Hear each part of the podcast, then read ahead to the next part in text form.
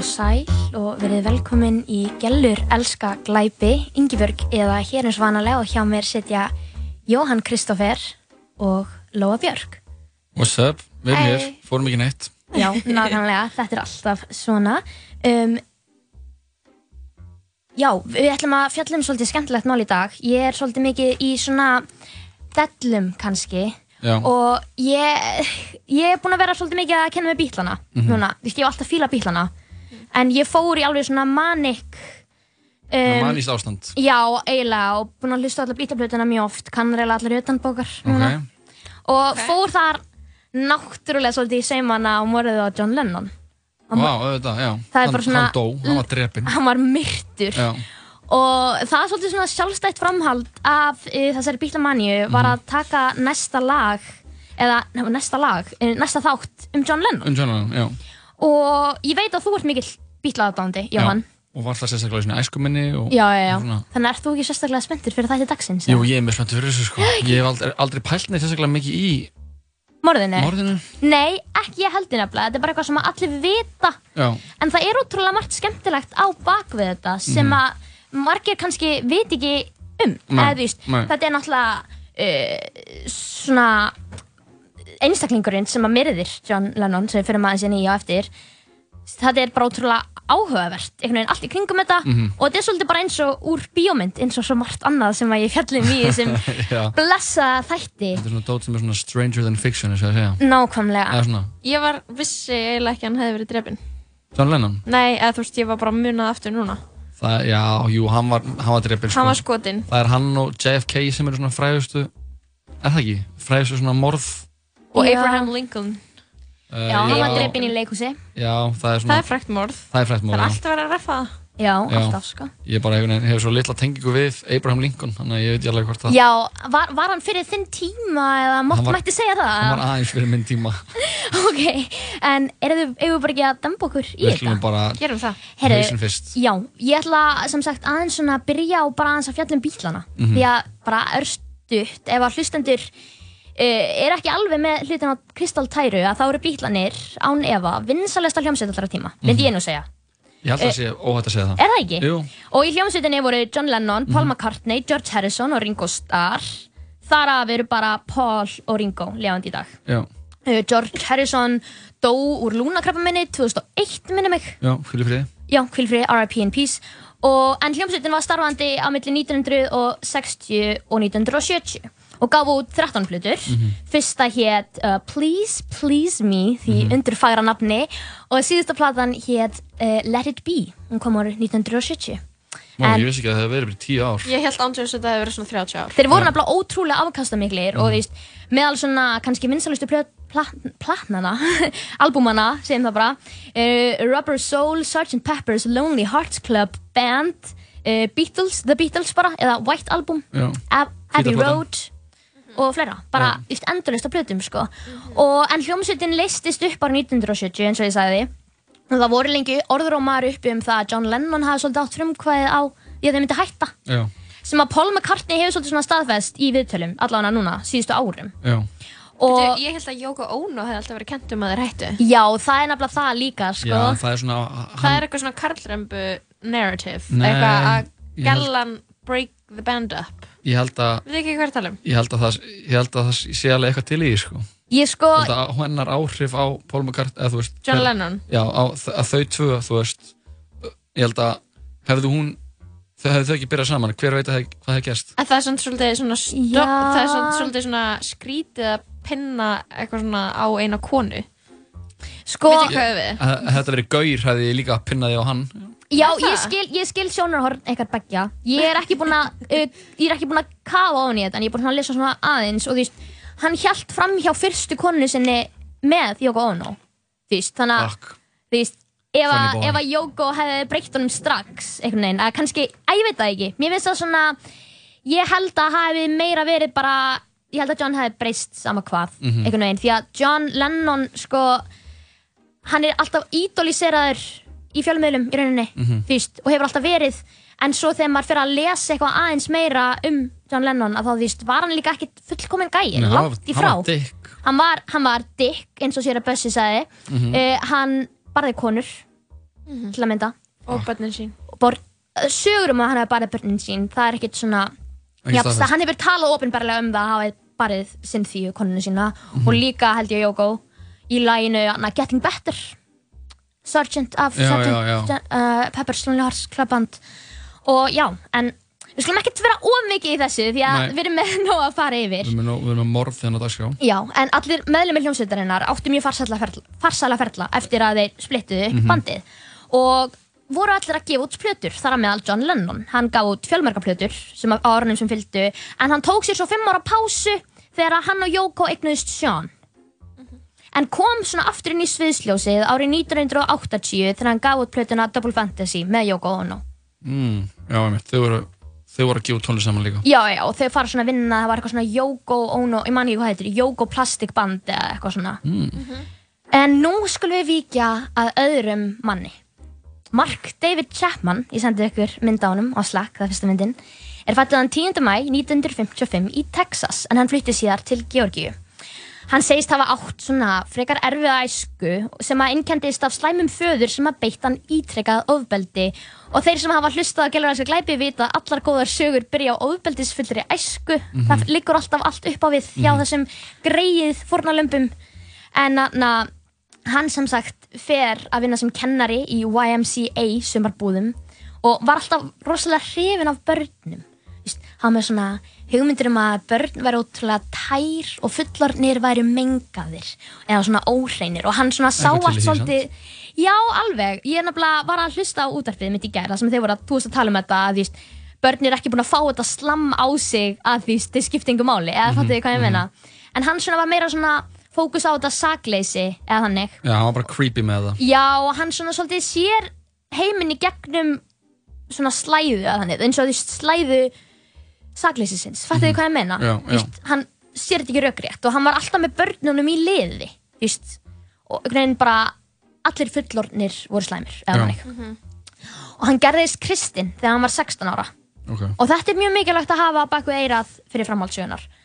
Uh, en það lék ekki allt í lindi hjá Grey Mike. Hann hætti í háskóla eftir eina önn og hann var mjög þunglindur og hann sagði að það væri svona margir litli kallar í kollinum á sér, eða í hausnum á sér. ok. Og hann sagði svona, það eru svona litlu kallarnir og stóri kallin. Og stóri kallin er góður, en litlu kallarnir voru stundum svona að segja nú hvað hann ætti að gera og voru eitthvað svona, og hann sagði í æsku að þá hefði verið svona inn í veggjónum og eitthvað. Hann er Svona- bara... Er var- þetta ekki eitthvað svona geðröskun? Jú, þetta er geður, Er klárlega. skitsofrenia eða eitthvað þannig? Já, multi- mögulega. Svona multiple, multiple personality disorder. Aha. Ég veit það ekki. Já, Ég- það gæti verið, sko, Margir hann fekk allavega ekki neina greiningu í æsku og nokkur skonar geðsjúkdómi, þannig að við verðum bara uh, Að treysta því að þetta hafi getgátur verið. bara. Já, getgátur. Uh, hann, þetta svona, svolítið bara vindur upp á sig og hann verður bara þunglindar og þunglindari og ákveður svo, hann ætla bara að fara til Hawaii, eigða öllum peningunum sínum í ykkurum spila, spilavítum og fá vændiskonur upp á herbyggið sitt og bara lifa lífinu, þar ætla að peningana voru búnir og þá ætla hann að fara með sjálfsvík og reynir svo að gera það með því að kæfa sig með kolmónoxíði í bílnum sínum Ok. og kolmónoxíð er eitru gastegund sem myndast þegar kólefni brennur í oflitlu súrefni og hann sem sagt gerðist það þannig að hann þýst uh, laði bara bílnum og setti ykkur svona slöngu Já. í pústrarið Þetta er, þetta er svona classic sjálfsmorð í bíómyndum. Já, Það já. sér oft svona degin í bílskur. Já, og þetta, þetta, luk, þetta lukkaðist ekki og það er svona, ég hef heyrt tvær sögur aftur af hverju það gerðist þannig, að þetta lukkaðist ekki. Í fyrsta lagi þá segja, segja sögumir að því að einhver ferðalangur hafi séð hann og bankað á gluggan og því strifað hann úr bílnum og svo segja einhverju líka að því slangan hafi bráðnað í púströðurinu því að púströðurinu hafi verið á heitt. Ah, einmitt, einmitt, einmitt. Þannig að ég veit ekki alveg hvað ég má að trúa en hann var allan lærun að geðspítala og hann segir að þetta hafi verið svona guð að fullvissa hann um að hann ætti eitthvað tilgang og hann svona fyrir að hefja lífið upp á nýtt á Hawaii og tókaði sér svona mörg verkefni hér og þar til að reyna að stýtt sér stundir hann fór til dæmis í sex vikna ferðalag um heiminn þar sem hann svona stoppaði vísvegar um og við undirbúning ferðarinnar kynntist hann konu sem hann giftist árið 1979 og, Sex, sex vikna? hvað segir Var hann í sex vikur að Já, ferðast? já, já. já, já. Ok, Þetta er svona- fljótur að... Já, hann, þetta var eitthvað svona þarna, þetta var innblásið af hana Around the World in f- f- hvað var það aftur í mörg dagar? 80 80 days. days. 80 days, 80 days. já, 40, Hann- 80 days. ég man það ekki hann var 80 allan days. innblásinn af þessari bíómynd, eða ekki, Ok. okay. ekki bíómynd Já, jú, Jú, þetta er bók. bíómynd. Jú. og bók ha, Bæði. skiptir ekki máli en hann kynni samsagt konu við undirbúning ferðarinnar Aha. japanskri eh, ferða hún er svona ferðafsérfræ eða svona vinnur á ferðaskrifstofu Ok. hún heitir Gloria Abe Ok. og hann, sit, hann samt lætur þetta ekki næja og hann tekur fyrir sér svona annað öfgafullt verkefni og ætlar að lesa allar bækurnar á bókasafni í nákvæminu á Hawaii og þar komst hann aftur í kynni við bók sem hann hafði eitt sinn lesið í æsku og vinur hans hafði svona mælt með við hann þegar hann var ungur Já. sem heitir Catcher in the Rye eftir J.D. Salinger Já, nákvæmlega. Þekkið þið á þá bók? Já, já, já. Bjargvætturinn í... Björgvætturinn í grasinu. Grasinu, jú. Jú, Ég jú. lesað hana. Hefur lesað hana? Ég, ég hef ekki lesað hana en ég ætla svona að gera mitt, mitt besta til að útskjöra svona í stuttumáli um hvað hann fjallar. Legendary bók. L uh, já, uh, hún fjallar um Holden Caulfield sem reynir svona eins og hann getur að mynda tengslu annað fólk en ekkert gengur. Og hann er mjög svona dómharður á annað fólk og notar orðið phony sem er bara að vera falskur eða lottari óspart á þá sem hann finnst það eiga við í rauninni Og allir phonies. Já, allir eru bara phonies og sakleysið hans er svolítið eins og eitthvað svona, svona móða sem hann sér heiminn í gegnum. Svolítið eins og Okkar maður. Mark Chapman, nákvæmlega. Og hann sér samfélagi með öðrum augum en flestir. Og Holden Caulfield átti ekki sérstaklega að vera hann einn fyrirmynd fyrir fólk þegar að Salinger skrifa bókina. En hann hefur samt skapað sér ákveðið sess sem svona fyrirmynd fyrir einstaklinga í hans sporum sem er kannski ekkert endilega gott Að týndur ungum maður. Já, og þessi bók hafði ótrúlega mikil áhrif á Mark og Mark vildi dreifa bóðskapnum bara sem víðast því að þetta, víst, þetta hann, hann var bara, víst, þetta er ég hann, honum fannst eins og hann væri Holden Caulfield Já.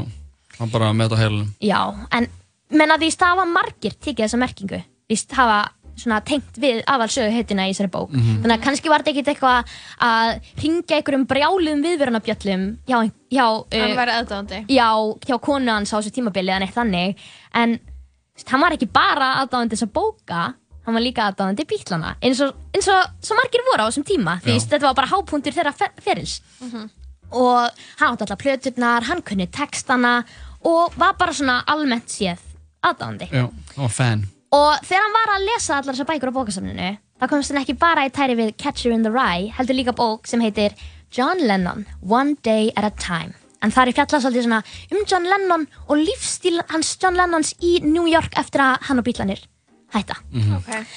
og þetta fór svolítið í taugarnar af Mark Chapman að John, John Lennon skildi víst lofa eignalausan lífstíl eins og ég Imagine en að Imagine no possessions fattu en John Lennon bjó í íbúð í Dakota byggingunni sem er því einn flottasta og dýrasta bygging í New York, Já. Manhattan Og og flög um heiminn á engaþóti og víst og fyrir honum er John Lennon lottari og Mike Chapman er Holden Caulfield í Catcher in the Rye. Fattu hvað ég já. þannig að þessi hann svona hann byrjar að einhvern veginn setja upp svona hugmyndir um hverju lottarar í heiminum og John Lennon er svona the ultimate lottari Já.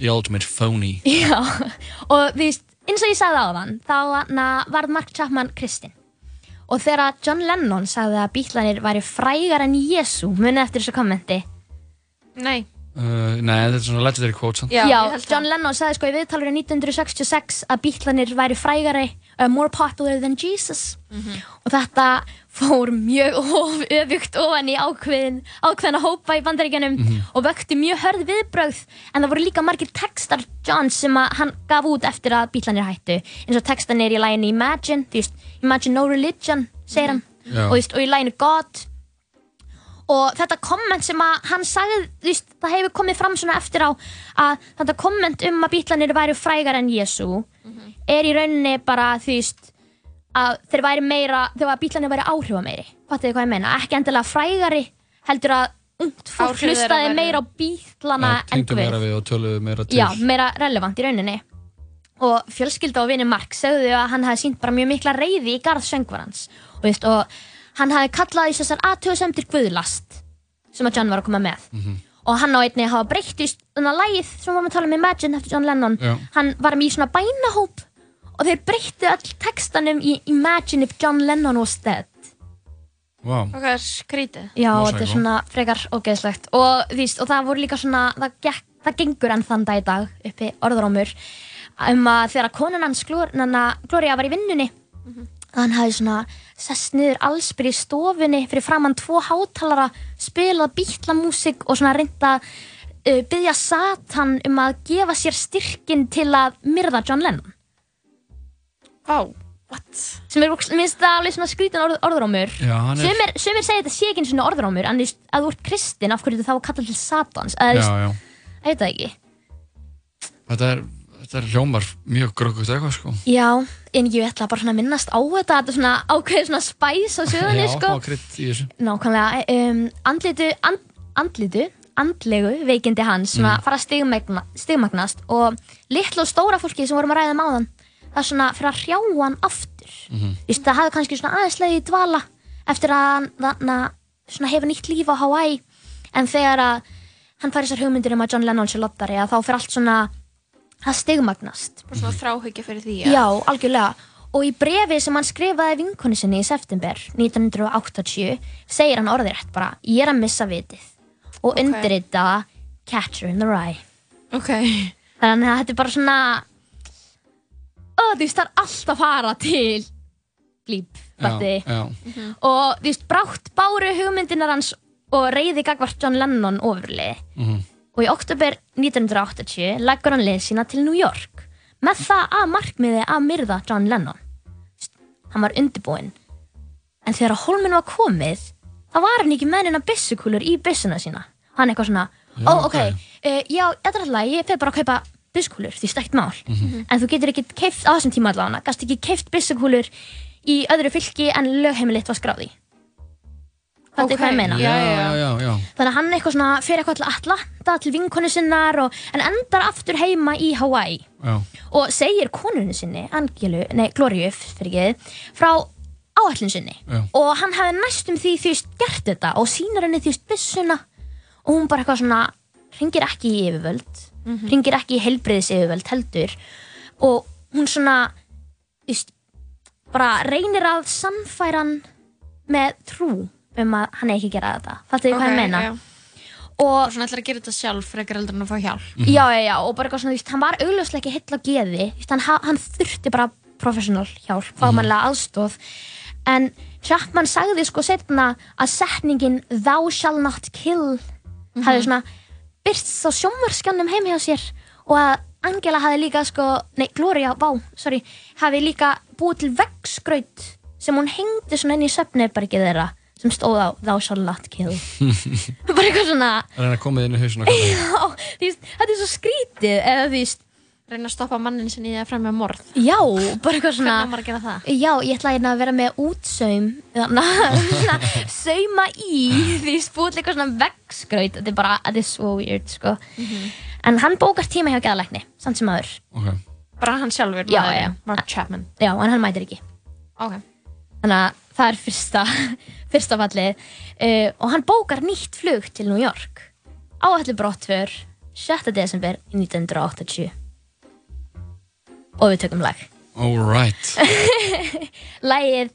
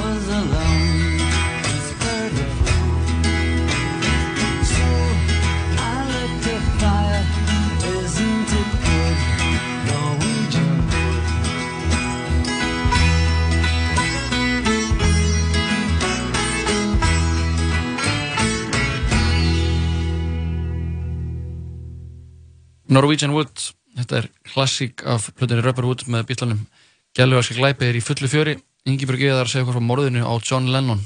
Hvert voru við komin? Við vorum komin á svolítið spennandi stað og ég var svona að prófa mig áfram með svona cliffhangers og ég held að vel hafa tekist til. e, Þannig að, en já, þetta var í mitt lagið Norwegian Wood af flutinni Rebel Soul sem var, hvað, sjötta plata bítla, bítlana, eða ekki? Ekki hugmynd Jú, hún var sjötta plata bítlana.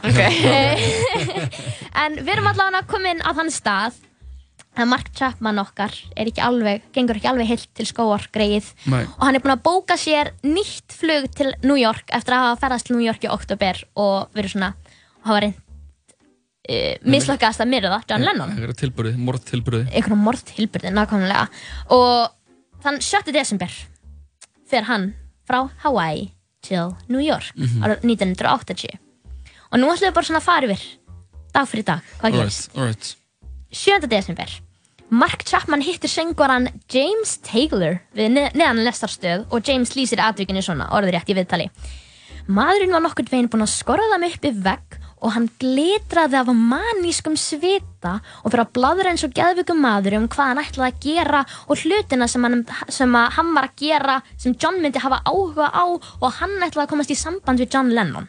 Eitthvað svona, Já. víst, bara eitthvað alveg út úr kú, fattiði hann var ekki þessi setning meikaði ekki sen- þess að hann var ekki að tjá sig á góðan hátt. hann var í rugglinu og hann á svo að hafa farið búið leigubílstjóri upp á kókain áður en hann fór upp á hótelherbyggi sitt þar sem hann ringir í eiginkonunu sína.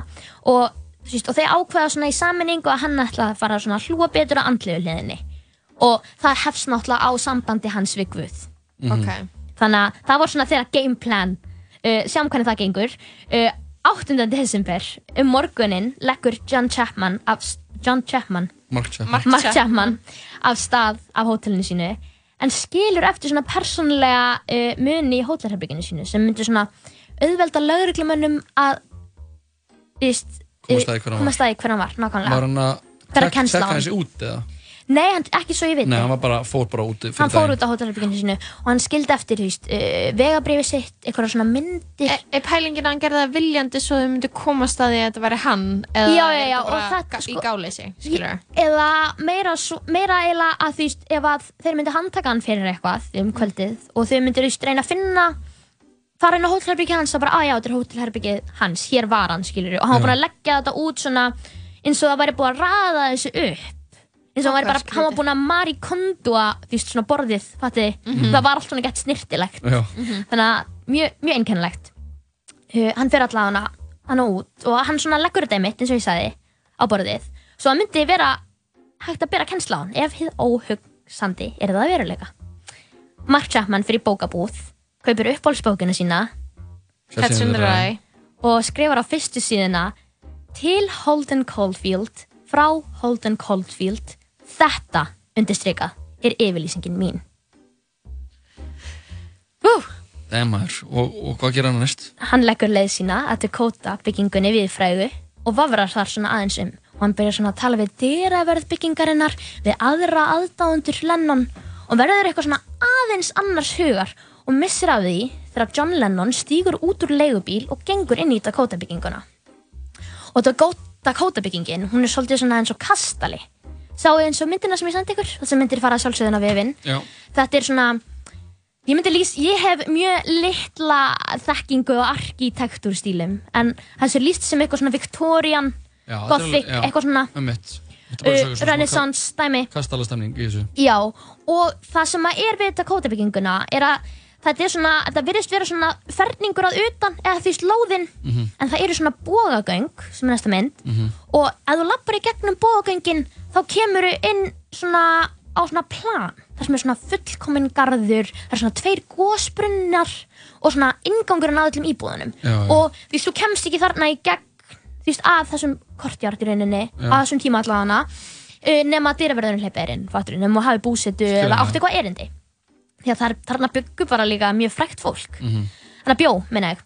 Um, setna morgunin fer Þerna Johns og Yoko Ono með son þeirra Sean í svona göngutúr. Já, og Mark svona fytur upp á samröður við unga drengin og segir hann sér dásamlega fallegur og klappar honum svona höfuðið. Mm. svona mjög bara heilbreytt og kósi og þennan dag var einmitt voru John og Yoko upp á herbergi eh, upp á herberginu sinni í íbúðinni Já. og það hefur verið að taka viðtal við þau fyrir Rolling Stone uh, tímaritið og Annie Leibovitz tók forsýðmynd blaðsins um leið en á henni liggur Yoko Ono í fötunum á gólfinu og starir upp í loftið og John Lennon liggur við hliðanar nakin og heldur svona utanum hana eins og kóalabjörn Já, þetta er náttúrulega bara, ein fræ, þetta er bara fræðasta myndin af þeim saman. Já, fræðasta myndin af þeim. Og Annie Leibovitz tók hana daginn sem að hann var myrtur í rauninni. Og hún byrta þessi mynd sko, hún byrtist á janúar tölublaði Rolling Stone. Og þetta tölublað var því nefnt eitthvað eitt af bestu forsýðum tölublaðsins bara uh, frá upphafi. Er það, já. En já, um fimmleitið þannan dag, setni part dags, koma John og Yoko út úr byggingunni og svona lappa fram hjá aðdáðundunum og Mark Chapman heilsar henni með handabandi og réttir svona fram vínil við flötuna mm -hmm. Double Fantasy. Já, og John bara á ég að árita þetta fyrir þig? Og hann eitthvað svona, svona nær svona einhvern veginn að kinka kolli. Og John byrjar svona að árita plötuna. Og það er eitthvað svona ljósmyndari sem að stóð hana rétt hjá og hann eitthvað svona, að þetta er gett photogenic moment. Og tekur mynd af þessu. Af John Lennon vera árita plötuna hans Mark Chapman og þið getur séð myndina, ég sendi ykkur hana líka. En John og Yoko leggja síðan leið sína bara í þessa svarta limosíu og keira að stúdíónu og þar spilar uh, John gítar inn á lægið hann er Yoko Ono sem heitir Walking on Thin Ice en þetta var einmitt í síðasta skipti sem að John settist niður við mikrofónin. Damn. Uh, síðar saði Mark sko eftirfarandi um þessa stund þegar að, uh, John fyrir árita og hittir hann á þessum tímapunkti vann stóri kallin inn í mér og mér langaði aftur upp á hótel en ég gata ekki hann vissi hvert endurnar í Central Park færi á veturnar og ég þurfti að vita það og þetta er einmitt önnur vitnin ekki. í. Já, tilvísin í Catch in the Rye Já. Ó, ok. þannig að uh, þannig, það, þannig er málum vexti að í Catch in the Rye að þá er hóldin alltaf að spyrja ykkur að leigubílstjóra uh, hvenar hvert endurnar í Central Park fari á veturnar og að þetta svona táknar eða því sem ég best kemst, ég hef ekki lesið bókina ég er bara búin að lesa mig mjög ítarlega til um bókina að þá táknar þetta svona að hann skilja ekki að hlutinir breytist. Þó svo að því endurnar gerir þetta bara því það eru bara að fara yfir á hlýri stað. En, og þetta sé þeim fyrir bestu. En hann einhvern veginn sér lífið með svo barslegum augum að hann getur ekki áttað sig á að hlutinni breytast og stundum er það bara allt í lagi. Og þetta er svona það sem að það táknar í bókinni þannig að þetta líka gefur okkur svona að mínum hætti allavega smá svona insýn inn í huga mark á þessum tíma nákvæmlega. og þetta því að hann er bara alveg ádöfitt Já, hann er bara, hann er bara, sér ekki með samengi. Er Nei, bara- og bara, þú veist, bara John Lennon veit hvert endurnar fara, það er bara hann gengur ekki heilt til skóar Það er klart mál. uh, en þegar klukkuna vantar um 10 mínútur í 11 þetta kvöld koma John og Yoko aftur heim þau stíga út úr svörtu limosínunni og ganga í átt af þessum bóagöngum mm -hmm. Dakota-byggingunar en allt í einu er kallað Herra Lennon John lítur ekki við því að just, fólk kallar á hann allan daginn hann getur ekki svarað öllum en fyrir aftan hann hafði Mark Chapman komið sér fyrir í skotstöði á götunni fyrir aftan Hann tók upp 38 kalibera marklipu, skýtur 5 byssukúlum með hólum oddi, sér hannaðar til að valda sem mestum skafa. Fjögur skot hæfa John, þar af eitt sem rýfur ósaðin hans í tætlur. John reynir að stöylast áfram að svona móttökunni í byggingunni, en hann bara lippast nýr í jörðina og gatan litast rauð. Dyraverðurinn hleypur að Mark með tárin í augunum og hristir hann þar til að Mark missir byssun í stjættuna og dyraverðurinn sparkar hann í burtu og, og hann öskrar á Mark bara hvað hefur gert? Mark veit ekkert hvað hann á að gera og hann dregur upp Catcher on the Rye sem hann var búinn að áreita úr vasanum sínum og reynir svona eitthvað svona stiklum götuna og reynir að lesa hana en hann bara gata ekki, hann var í svo miklu sjokki að hann hafi í alvörunni gert þetta. Aha. og hann sest niður á bekkan í nágruninu og býður í raun bara eftir lauruglunni og hann þurfti ekki að býða lengi því að tveimur mínútum setna mæti lauruglan á svæðið og hann tekur Chapman. Og einn þeirra öskrar á hann áttaru þig á því hvað ert búin að gera? Og Mark svarar bara mjög rálega já, ég skaut John Lennon. Fuck. Lauruglan áttar sér fljótt á því að það borgar sér ekki að býða eftir sjúkrabíl og þeir svona taka John Lennon upp á hann inn í lauruglubílinn og bara blikkandi ljós á næsta sjúkrahús. Og þau hlaupa með Lennonin bókstæðlega lippa hann svona yfir öxlinni bara svona hann alveg bara lafir. Og lækninni taka við honum. Læknin finnur engan púls engin lífsmörk og eina ráðið þarna í rauninni var bara að skera upp bringunans og nutta hjartað og reyna að koma blóðflæði af stað aftur en það var um seina John Lennon var úrskarðar látin klukkan 20 mínútur yfir 11 8. desember 1980 það var ekki fyrir en hjúkurunafræðingar fóru svona í vasan hjá John Lennon og náðu í veskið hans sem þeir áttuðu sig á um hvern var að ræða Í alvörunni? Þeir áttuðu sig ekkert á því hver þetta væri og ymmit þá stund sem að John var úrskurðar látin var lægið All My Loving með bílunum að spilast í hátræðakerfinu á spítalanum Oh my god. Vá. Fjöldin allir af aðdáðundum John söfnuðu saman fyrir utan Dakota bygginguna og sungu lögin hans og svona sungu Give Peace a Chance sem var svona lingóð hans Johns Svona óðurinn hans til friðar. algjörlega og Jóko ákvað að halda ekki jarða fyrr en bað þess í stað um tíu mínúna þögn til að minnast eiginmannsins og í þessar tíu mínútur þagði heimurinn. Öskum, öskum Lennons var dreift um Central Park en sá hluti Garsins sem var síðar nefndur Strawberry Fields til heiðurs Lennon eftir læginu Strawberry Fields Forever af Magical Mystery Tour. Fjórum árum setna gaf Yoko Ono út plötuna Milk and Honey en það, hún innihjalt óutgefin lög Lennon og það voru mest allt svona mjög hráar upptökur svona æfinga upptökur Já, einhverjum lögum sem hefði ekki verið gefin út nákvæmlega. Og na, en hún var svona rosalega hrá og fjall bara mjög vel í kramið hjá aðdáðundum sko.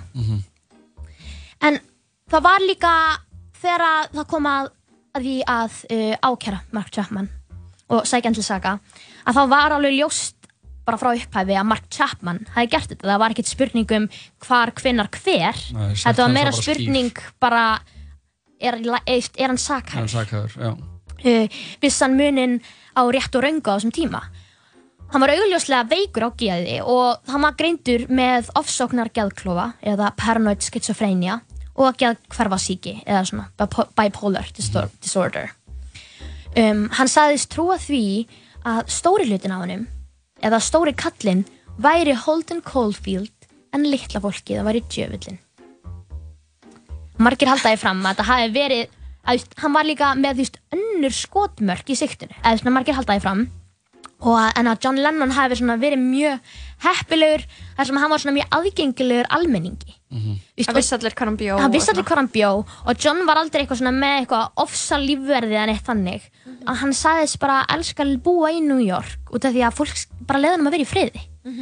Út af því að uh, þeir bara svona Hi John, uh, love your music, have a nice day. Og hann bara, yeah, thank you, bye mm -hmm, þannig að hann var svona ótrúlega auðvelt skotmark en David Bowie saði í viðtali eftir þetta atvik að hann hafi verið nummið tvö á listanum hjá Mark Chapman. Oh my god. og að Mark Chapman, Yoko Ono og John Lennon höfðu öll átt sæti á síningun hans á Broadway The Elephant Man í fremstu röð sem hann var daginn eftir morðið á John Lennon. Þannig að þegar hann fór út fram á sviðið þann uh, 9. desember 1980 það voru þrjú auð sæti tvö saman og svo eitt í fremstu röð. Og hann sagði bara, "Veist, ég meika eða valla að komast í gegnum síninguna mm vitandi að ég hefði líka geta verið næstur eða fattu hvað ég meina Já, já. Mark sagði líka, þú veist, sálfræðingum hann hafði mér sér að dreymt um að komast yfir kjarnorku vopn og sprengja heila borg og alla sem að byggja þar Hann er, já, hann er virkilega, var virkilega veikur. Já, hann er bara veikur og þú veist, mér finnst þetta að vera svona svolítið Er hann ennþá lífi eða? Já, hann er ennþá á lífi Hann er bara í líka- fangelsi. Já, já, já En þvert á uh, ráð lögmannans sem vildi að Mark er fundin ósakhæfur sem að kannski voru alveg grundvöldur fyrir á þessum tíma að þá játaði Mark sér segan við upphafi réttahaldana og hann sagði að Guð hafi sagt um að gera þetta. Ok.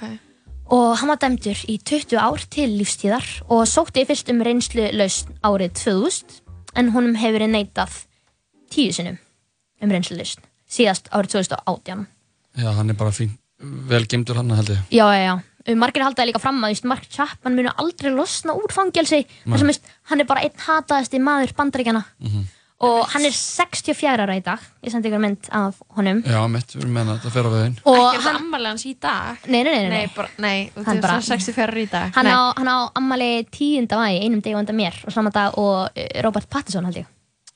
Skemmtilegt Ok. að segja frá því. Já, skemmtilegt að segja frá því. En hann á alveg nokkur á góða áratugi eftir þannig að kannski bara best að hann sitja henni sem lengst. Já, en dæmi hver fyrir sig? Úff, þessi á góður Ingeborg. Er það ekki?